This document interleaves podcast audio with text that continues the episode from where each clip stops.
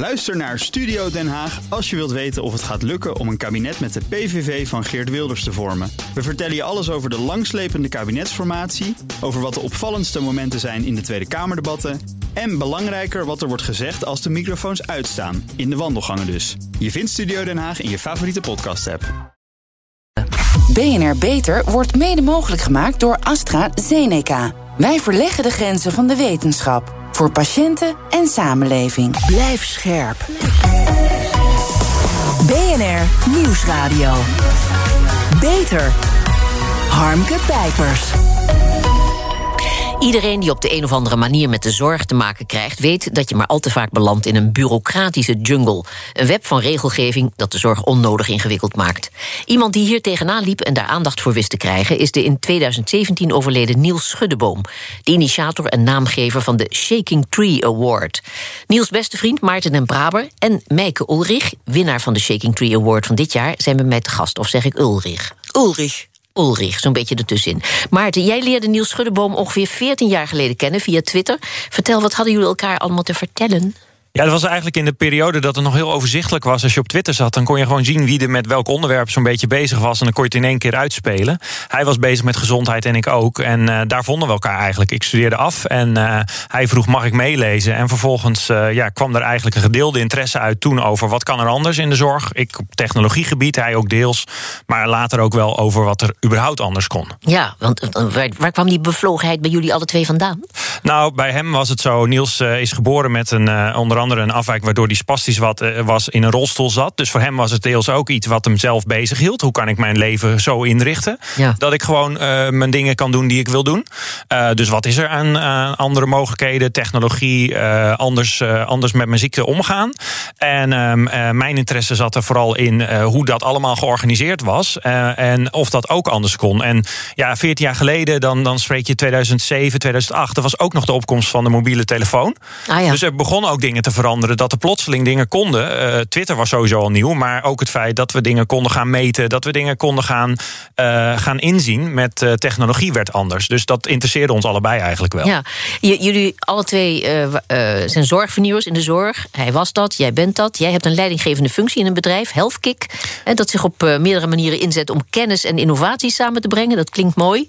vertel, hoe doe je dat? Nou, wij doen dat ogen. Ik heb dus heel veel met die zorgtechnologie, zeg maar, in, in het meten en in kaart brengen gedaan. Mhm. Mm -hmm. En nu dat, doen we dat vooral op regio's en dan gezondheid als iets heel breeds. Dus gezondheid heeft ook te maken met goed onderwijs, heeft ook te maken met uh, echt kunnen meedoen in de maatschappij. En dat doen wij dus uh, via uh, HealthKick, via het KAVO-model, als een model om dat te organiseren, maar bijvoorbeeld ook meetbaar en inzichtelijk te maken. Zodat regio's echt beleid kunnen maken van hoe gaan we gezondheid goed in deze regio met z'n allen. Dus het hele spectrum, de ziekenhuizen, maar ook uh, het sociaal domein en ook uh, andere partijen organiseren met z'n allen het financieren en het kunnen meten. Ja, met, met welke beperkingen had Niels allemaal te kampen? Nou ja, dus wat ik zei, was Niels uh, geboren met eigenlijk ja. een beperking die, uh, die onder andere maakte dat hij in een rolstoel zat. Um, dat hij dus. Um, uh, deels uh, spasmus uh, had. En wat hij zei, altijd wel een soort vrolijke, vrolijke spas. Maar het belemmerde hem ook tegelijkertijd ja. in zijn doen en laten soms. Um, en hij had een afwijking waardoor hij uh, altijd al wist, wat volledig los stond van de rest, was dat hij wist: ik uh, heb een genetische uh, afwijking. Die kwam voor in zijn familie. Mm -hmm. Dat er een bepaald gen is wat je, stel dat je kanker zou ontwikkelen, daar nog enigszins soort van afweer tegen organiseert in je lichaam. En dat miste hij. Dus hij wist ook altijd van: er is een hoog risico. Als ik ooit ziek zal worden um, en het is mis, dan, dan is je risico op afweer gewoon, ja, in zijn geval, in zijn lichaam minder goed georganiseerd. En dus risico risicovoller als er iets gebeurt. Ja, dus hij had het nodige, nodige problemen. Maar waarschijnlijk, hij kon niet zomaar een baan vinden of zelfstandig wonen. Hoe, hoe leefde hij zijn leven? Nou ja, dat, dat is een aanname dat dat zo zou zijn. En in zijn ja. geval viel dat eigenlijk best mee. En mm -hmm. uh, hij, uh, um, uh, hij had een hartstikke lieve vriendin, later vrouw. Dus kinderen. Um, in ieder geval de, dus een, een, kind gekregen. Dus hij was best wel in staat om het te doen. En dat kwam ook wel doordat hij gewoon zei van... ja, maar dat, logisch kan dit allemaal. Ja. En er waren vervolgens allemaal regels die zeiden dat het dan volgens de regels niet kon. Maar het feit dat je gewoon een aangepaste woning kon krijgen, of dat je gewoon uh, de zorg kon krijgen, of dat je het zelf kon, kon regelen, um, uh, dat kan gewoon wel als je er logisch over nadenkt. Maar zijn uitdaging was altijd: hoe krijg ik het systeem daar ook in mee? Dat die het mij ook gaan uh, faciliteren, dat ik het ook echt kan gaan doen. Ja, daar is hij druk mee geweest in zijn leven. Hè? In het Twitter-profiel van Niels stond naast spreker en publicist ook vierwiel aangedreven. Dat is uh, nogal typerend voor hem, hè? deze vorm van. Ja, van ja, je moet er een beetje humor. Hij was ja. zelf ook altijd wel uh, natuurlijk bewust van het feit. En hij zei ook altijd wel: ik maak er natuurlijk ook graag misbruik van als me dat goed uitkomt. Ja. Dus ja, het was net zo'n leuke, maar ook zeg maar zoals iedereen leuk en vervelend is, was hij dat ook. En was hij ook gewoon iemand die, nou ja, die, die het ook op een manier gewoon in zijn leven verwierf van ja, dit ben ik. Ik ben vierwiel aangedreven, maar ik ben ook gewoon, hij was ook gewoon iemand uh, met een hele goede, uh, hij kon ontzettend goed schrijven. Ja. Uh, hij kon zich ontzettend goed verwoorden, hij kon het relativeren. Dus ja, dat waren allemaal eigenschappen die hem ook gewoon maakten wie hij was als persoon. Ja. Nou begrijp ik dat de winnaars van de Shaking Tree Award, net als Niels, over een zekere mate van humor moeten beschikken en een gezonde dosis positiviteit. Vertel. Uh, ik vind Ja. dat ook, maar waarom vinden jullie dat zo belangrijk? Nou ja, anders wordt voor ons ook een beetje saai. Ieder jaar de award uitreiken aan vervelende mensen hebben we niet zo'n zin in. Maar daarnaast was het ook wel echt iets waar hij van liet zien. Je redt het niet om iets te veranderen als je alleen zegt dat het fout is. Ja. Als je alleen maar zegt wat er mis is, dan eh, krijg je op een gegeven moment gewoon mensen die zeggen: ja, maar ja. Eh, Sommige mensen doen. Laat dat duidelijk zijn. In, in alle eh, organen en plekken waar de zorg wordt gecreëerd. Echt hun best. Alleen soms ja, eh, zit je ook met. Ja, dat hebben we blijkbaar afgesproken. Daar probeer ik me aan te houden. Ja. En dan moet je mensen weer even terugbrengen naar. Ja, wat zou je er nou zelf van denken als je er eens even logisch bij stilstaat? Dus je moet een beetje, wat hij altijd noemde, dansen met het systeem. hè. Je moet een beetje geven en een beetje nemen. En je moet elkaar ook laten zien dat het anders kan. En dan moet je niet meteen een soort heel zuur van worden van het, het gaat nooit lukken. eh, laat maar, ik, ik hou ermee op. Ja. Ehm, maar je moet het ook een beetje met elkaar gaan, eh, gaan ondervinden hoe het anders kan. Ja, maar het is toch een ingewikkeld eh, leven. Want lichamelijke beperkingen. Bovendien overleed zijn moeder toen hij nog nou, net in de puberteit was. Miels mo- moest toen naar een internaat. En daar liep hij tegen allerlei beperkende regels aan. Liep. Dat was erg aan hem besteed, want hij weerde zich flink.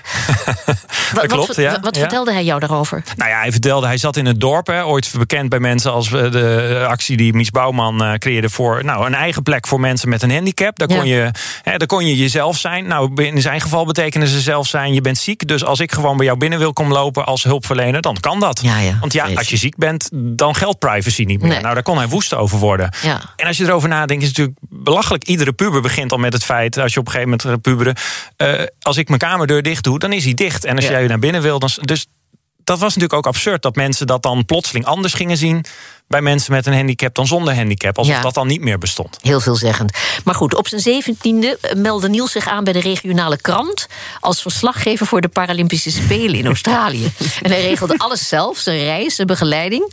En toen werd hij misschien wel voor het eerst voor vol aangezien... tegen de stroom ingaan en mogelijkheden creëren. Ja, dat, dat is wat hem succesvol maakte. Hij, hij, deed het. Ja, hij deed het. En, en zo, zo overigens natuurlijk ook heel veel mensen die geen handicap iets anders doen, iets overwinnen. Ja. En zeggen van, ik laat me er niet eh, door op mijn kop zitten dat het niet zou kunnen. eh, in de meest makkelijke vorm. Maar ja, je moet ergens iets, iets doen als je er overheen wil. En sommige mensen overwinnen dat mentaal, sommige mensen fysiek. En bij hem eh, was dat in dit geval het feit dat je niet zomaar op het vliegtuig kon stappen met de handicap die hij had. Ja. Maar tegelijkertijd ook niet dat het onmogelijk was. Alleen ja, goed nadenken en, en in die zin gewoon laten zien en zeggen van. eh, eh, het kan. En eh, dat, dat kreeg hij gewoon dus wel eh, op die manier zelf voor elkaar. Ja. ja, het levensverhaal van Niels eh, wekte bij mij aanvankelijk medelijden op... maar ik werd er ook heel vrolijk van. Want ondanks alle tegenslagen liet hij het er niet mee zitten. Helemaal niet. Hij, stelde zich, dat was het volgende doel, ook zo, ook zo geestig bijna... zonder uitkering leven en ondanks zijn beperkingen gewoon te gaan werken. Nou, dat is hem ook gelukt. Hij kreeg een betaalde baan als adviseur digitale communicatie, doe maar. Is hij in die zin een voorbeeld voor andere mensen met een beperking? Ik mag hopen van wel, hè? Ja, ik denk, ik denk het wel. En, maar ook een voorbeeld om te laten zien waar je dan tegenaan loopt. Ik ken nog steeds heel veel mensen die in deze situatie zitten als hij. En in heel veel gevallen is werken met een beperking in principe een beetje een vonnis. Omdat hoe meer je werkt, soms hoe meer je gekort wordt. Dus het is een rare wereld soms Ja. waarin jij zegt.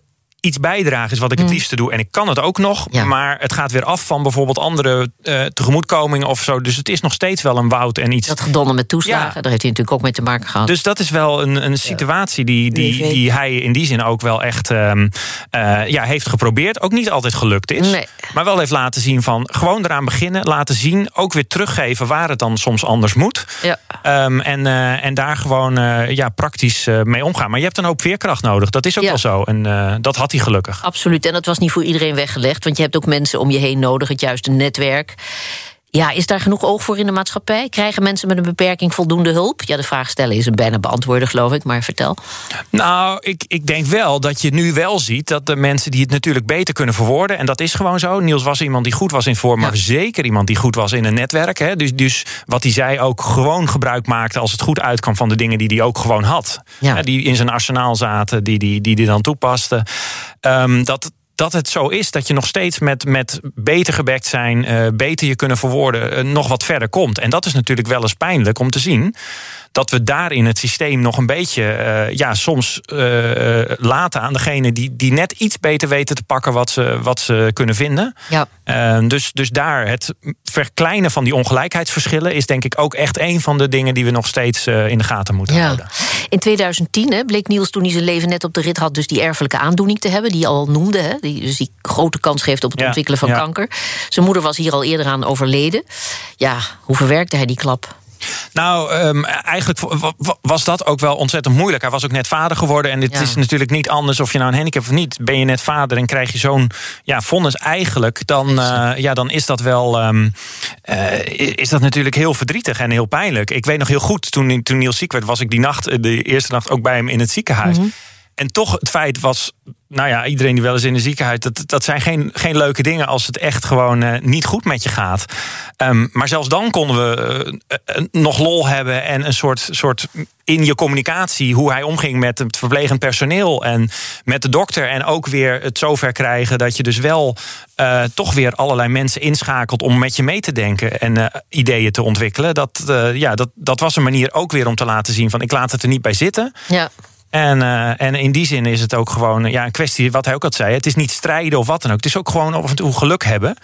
En in dit geval had hij uiteindelijk niet het geluk dat dat hij uh, uh, het overleefd heeft. Maar wel het geluk dat hij het op een manier heeft gedaan die bij hem paste. Ja, hij gooide het beltje er niet bij, weer, bij neer. Hij ging nog harder aan de slag. Hij werd Chief Experience Officer, CEO. Ja, CEO jawel, ja. ja fantastisch. Bij het ministerie van Volksgezondheid, Wetenschap en Sport. En uh, nou ja, goed, hij, gaf, hij zat in de bestuursraad. En later was hij lid van het ontwikkelteam. Gaf lezingen over hoe de zorg gelijkmatig, gelijkwaardiger moest. Hij overleed in 2017, 35 jaar oud. Hij had nog een laatste wens. En dat was in het leven roepen van de Shaking Tree Award. Het verhaal is iets ingewikkelder dan ik het nu weergeef, maar zo ongeveer. Hoe is dat precies gegaan? Ja, hij, had misschien zelf het ook wel kunnen bedenken om een eigen initiatief voor een award. Maar het eigenlijke initiatief kwam van de destijds uh, secretaris-generaal Erik Gerritsen, die ook altijd mhm. heel betrokken is geweest um, bij het verhaal. En ook bijvoorbeeld regelde dat er een Chief Experience Officer kwam. Dus dat vind ik ook wel echt iets van het systeem laat ook wel zien van ja. we willen wel. Uh, het is soms zoeken naar de juiste vorm. Maar destijds uh, dus kreeg, kreeg hij die, um, die rol. Was het eenmalig of is er inmiddels een opvolger? Nee, het, in die zin het, het feit dat er meer patiënten bij VWS betrokken worden bij het beleid. Ja, ja. De Chief Experience Officer hebben nog wel eens over van wie kan nu die, uh, die rol nemen. Vooral om die bestuurslagen ook constant te informeren. Maar het is nu ook wel meer ingebed in het geheel. Oké. Okay. Harmke Pijpers. Ja, de winnaar van de Shaking Tree Award van dit jaar, 2021, zit hier ook te stralen in de studio. Mijke Ulrich, om te beginnen. Gefeliciteerd. Dankjewel.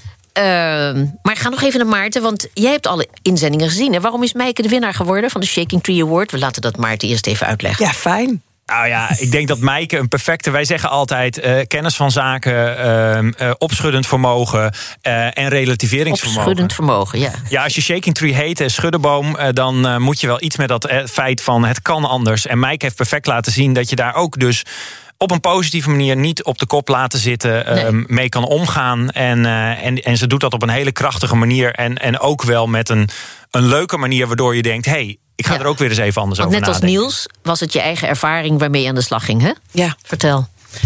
Um, nou, kort gezegd uh, was ik 26 en ik. nee, 29 en ik kreeg een hersenbloeding. Ja. En daar gaat een verhaal aan vooraf natuurlijk. Ik had een aangeboren afwijking. Twee jaar daarvoor kwam ik daarachter. Uh, ik ben geopereerd, bestraald. Uh, de operatie hebben plaatsgevonden. En uh, toen werd ik naar huis gestuurd met het feit... oké, okay, de, bestraling gaat zijn werk doen. En we hopen dat er niks gebeurt. Maar ja, twee jaar later knapte de bom. En kreeg ik toch een hersenbloeding. Ja. ja. En toen? Um, ja, toen, toen. Dan kom je in een systeem terecht waar um, de engeltjes en de duiveltjes zijn. En uh, dat houdt in dat er fouten gemaakt worden. En dat er ook weer mensen zijn die de reddende engel zijn. En, uh, en dat is eigenlijk het gevecht waar je, mee, uh, waar je mee strijdt. En daar waar je zelf weer het heft in handen krijgt krijg je in eerste instantie het gevecht met jezelf. Wil je, wil je, wil je wel vechten voor, um, voor, uh, voor herstel. Want ik zag wat ik allemaal verloren had en wat ik niet meer kon. Ja, en bovendien begreep ik dat uh, na, je, na die hersenbloeding was het uh, geen uitgemaakte zaak dat je ook nog kon gaan revalideren. Want nee. in eerste instantie zagen de artsen je eerder als verwarde patiënt. Ja. En niet als iemand die door middel van therapie misschien nog geholpen kon worden. Ja, hoe kwam dat? Nee, nee, nee. Ja, dat was afasie. En ja. dat is toch een beetje soms de onkunde nog steeds, helaas.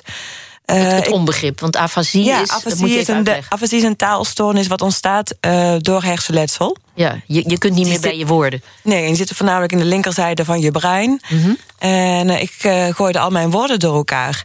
En ja, dat, dat, dat wordt al makkelijk gekoppeld aan, aan verwardheid. Ja, vreselijk. Uiteindelijk ja. kwam je wel in een revalidatiecentrum ja. terecht, hè? Ja, dankzij een, een bevriend logopedist in het ziekenhuis. Die heeft duizendmaal testen gedaan om aan te tonen dat ik wel uh, de term leerbaar was. Ah ja. En, uh, en toen mocht ik uh, naar de revalidatie. Ja, je, ja, maar je had vooral contact met artsen, psychologen, fysiotherapeuten, maar niemand die zelf had meegemaakt wat jij had meegemaakt. Nee. Vind ik ook wat veel gevraagd, maar daar kwam wel het idee voor jouw project Open je hart. Vertel, ja. wat behelst dat project? Uh, nou, in eerste instantie was het zo dat ik het belangrijk vond om, uh, om weer een, uh, een glimlach op de gezichten te toveren. En, en toen dacht ik, oké, okay, hoe kan ik dat doen? Ik woon in Eindhoven. Wat hebben wij in Eindhoven waar ik, waar ik dat genotsgevoel weer kan, kan, kan motiveren? Uh, en denk je, oké, okay, we, hebben, we hebben niet zo heel veel, maar we hebben wel een museum. Mm -hmm. En ik denk, als ik nou uh, het voor elkaar krijg om rondleidingen te gaan geven aan mensen met afasie, het, het, het taalprobleem. Ja. Um, dan, dan zou dat heel mooi zijn. En uh, dus ik ben het museum binnengelopen met, met een beetje.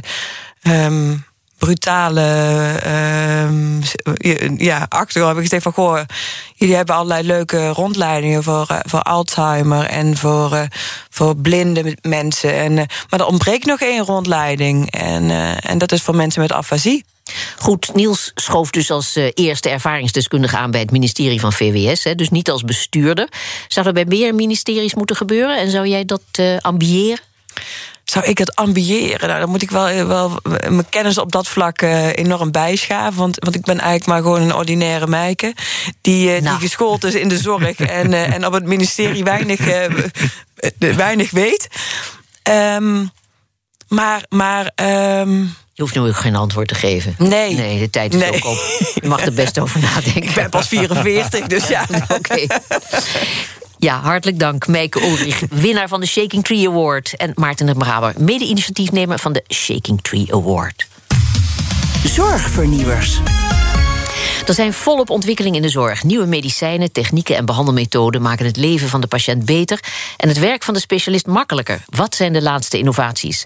Het Centrum voor Urban Mental Health, het UMH van de Universiteit Amsterdam en Stichting Super Chill doen onderzoek naar een app die basisschoolleerlingen en leerkrachten leert om om te gaan met stress, zowel binnen als buiten de school. Muriel Siebel van Stichting Super Chill. Waar is de app goed voor? Hi, ja, de app is goed voor. Uh, wat, wat, we willen doen is dat we kinderen uh, handvatten geven om echt op het moment in de klaslokalen uh, om te gaan met stressmomenten of drukke momenten, op momenten dat het even te veel voor ze wordt. Mm -hmm. want daar hebben we de app uiteindelijk voor ontwikkeld, omdat we steeds meer onderzoeksresultaten zien van dat kinderen al op vrij jonge leeftijd klachten krijgen die gerelateerd zijn aan depressie of burn-out. En daar wilden we gewoon praktisch iets aan doen. Ja. Um, dus hebben we deze app ontwikkeld. Maar de app combineert wetenschap en techniek, zoals wel vaker. Want met de gegevens van de app wordt ook onderzoek gedaan. Wat wordt ja. er precies onderzocht? Nou, er is dus al veel onderzoek gedaan naar bijvoorbeeld mindfulness technieken uh, in klaslokalen. Maar dat zijn dan vaak uh, met fysieke personen. Mindfulness, zei je? Ja, mindfulness. Ja, ja, oké. Ja. ja. Ehm, en wat ze nu gaan onderzoeken, dus dat is dan het, inderdaad het Center for Urban Mental Health van de UVA, gaat onderzoeken van wat doet nou uh, zo'n app. Dus dat, dat er niet per se een persoon voor de klas staat die die technieken met de kinderen uh, doet, Mhm. maar dat het dus via een digitale manier gaat. En wat Ja. voor effecten heeft dat? En hoe kunnen we dat zo ontwikkelen dat de leerlingen en de leerkrachten ook er echt wat aan hebben? Ja, maar, maar geef eens een voorbeeld. Stel, de kleuterklasleraar is, eh, of lerares is gestrest. Hoe kan de Superchill-app dan helpen? Nou, nu bijvoorbeeld met Sinterklaas is een goed voorbeeld. Zeker in de kleuterklasse. Want nou ja, die geloven natuurlijk nog in de goed. Veel stress, veel drukte. En eh, dan, we hebben de app gemaakt met leerkrachten. Dus dan kunnen ze eh, in de categorieën kijken van... Hè, het is nu Sinterklaas, ik heb stress in de klas. En daar staan dan verschillende opdrachten of oefeningen die ze kunnen doen. En dat hangt er dan een beetje van af. Hè. Wil je juist dat ze wat energie kwijtraken, dus dat ze even gaan bewegen? Of wil je juist dat ze even gewoon over zichzelf gaan nadenken of wat gaan ademen? En dat is zelfs met kleuters al echt mogelijk. Wat gaan ademen, manier- ja. ja, op die manier haal je dan even het moment eh, naar de leerling toe. En hoef je zelf even niks te doen, want je kan het gewoon op je digibord afspelen als leerkracht zijnde. Oh ja. En het is dus eigenlijk echt gericht op de momenten die leerkrachten veel tegenkomen. Oh ja. Maar ja, is het niet beter dat kinderen leren zonder zo'n app eh, om te gaan met moeilijke situaties in de klas? Ook. Maar het een sluit het ander niet uit. Het kan allemaal natuurlijk ook naast elkaar bestaan. En eh, leerkrachten hebben het super druk op een dag. En de werkdruk is enorm. Ja. En daar is op dit moment niet een structurele op- oplossing voor. Eh. Dus we hebben het eigenlijk zo gedaan dat leerkrachten... ze hoeven er niet per se iets van te weten. Ze hebben geen achtergrondkennis nodig. Ze kunnen het gewoon even aanzetten. En dat kan naast alle andere programma's die ze draaien eh, bestaan. Dus het hoeft niet iets over te nemen. Ja, hartelijk dank, Muriel Siebel. En wil je meer weten over deze app? Kijk dan op beter. En tot zover deze uitzending van BNR Beter. Op bnr.nl/slash beter is deze uitzending terug te luisteren of on demand via de BNR-app en op uw favoriete podcast. We zijn ook op Twitter te vinden onder BNR Beter. Dus heeft u tips voor ons? Laat het ons weten. Ik ben Harmke Pijpers. Graag tot een volgend spreekuur. BNR Beter wordt mede mogelijk gemaakt door AstraZeneca. Wij verleggen de grenzen van de wetenschap. Voor patiënten en samen.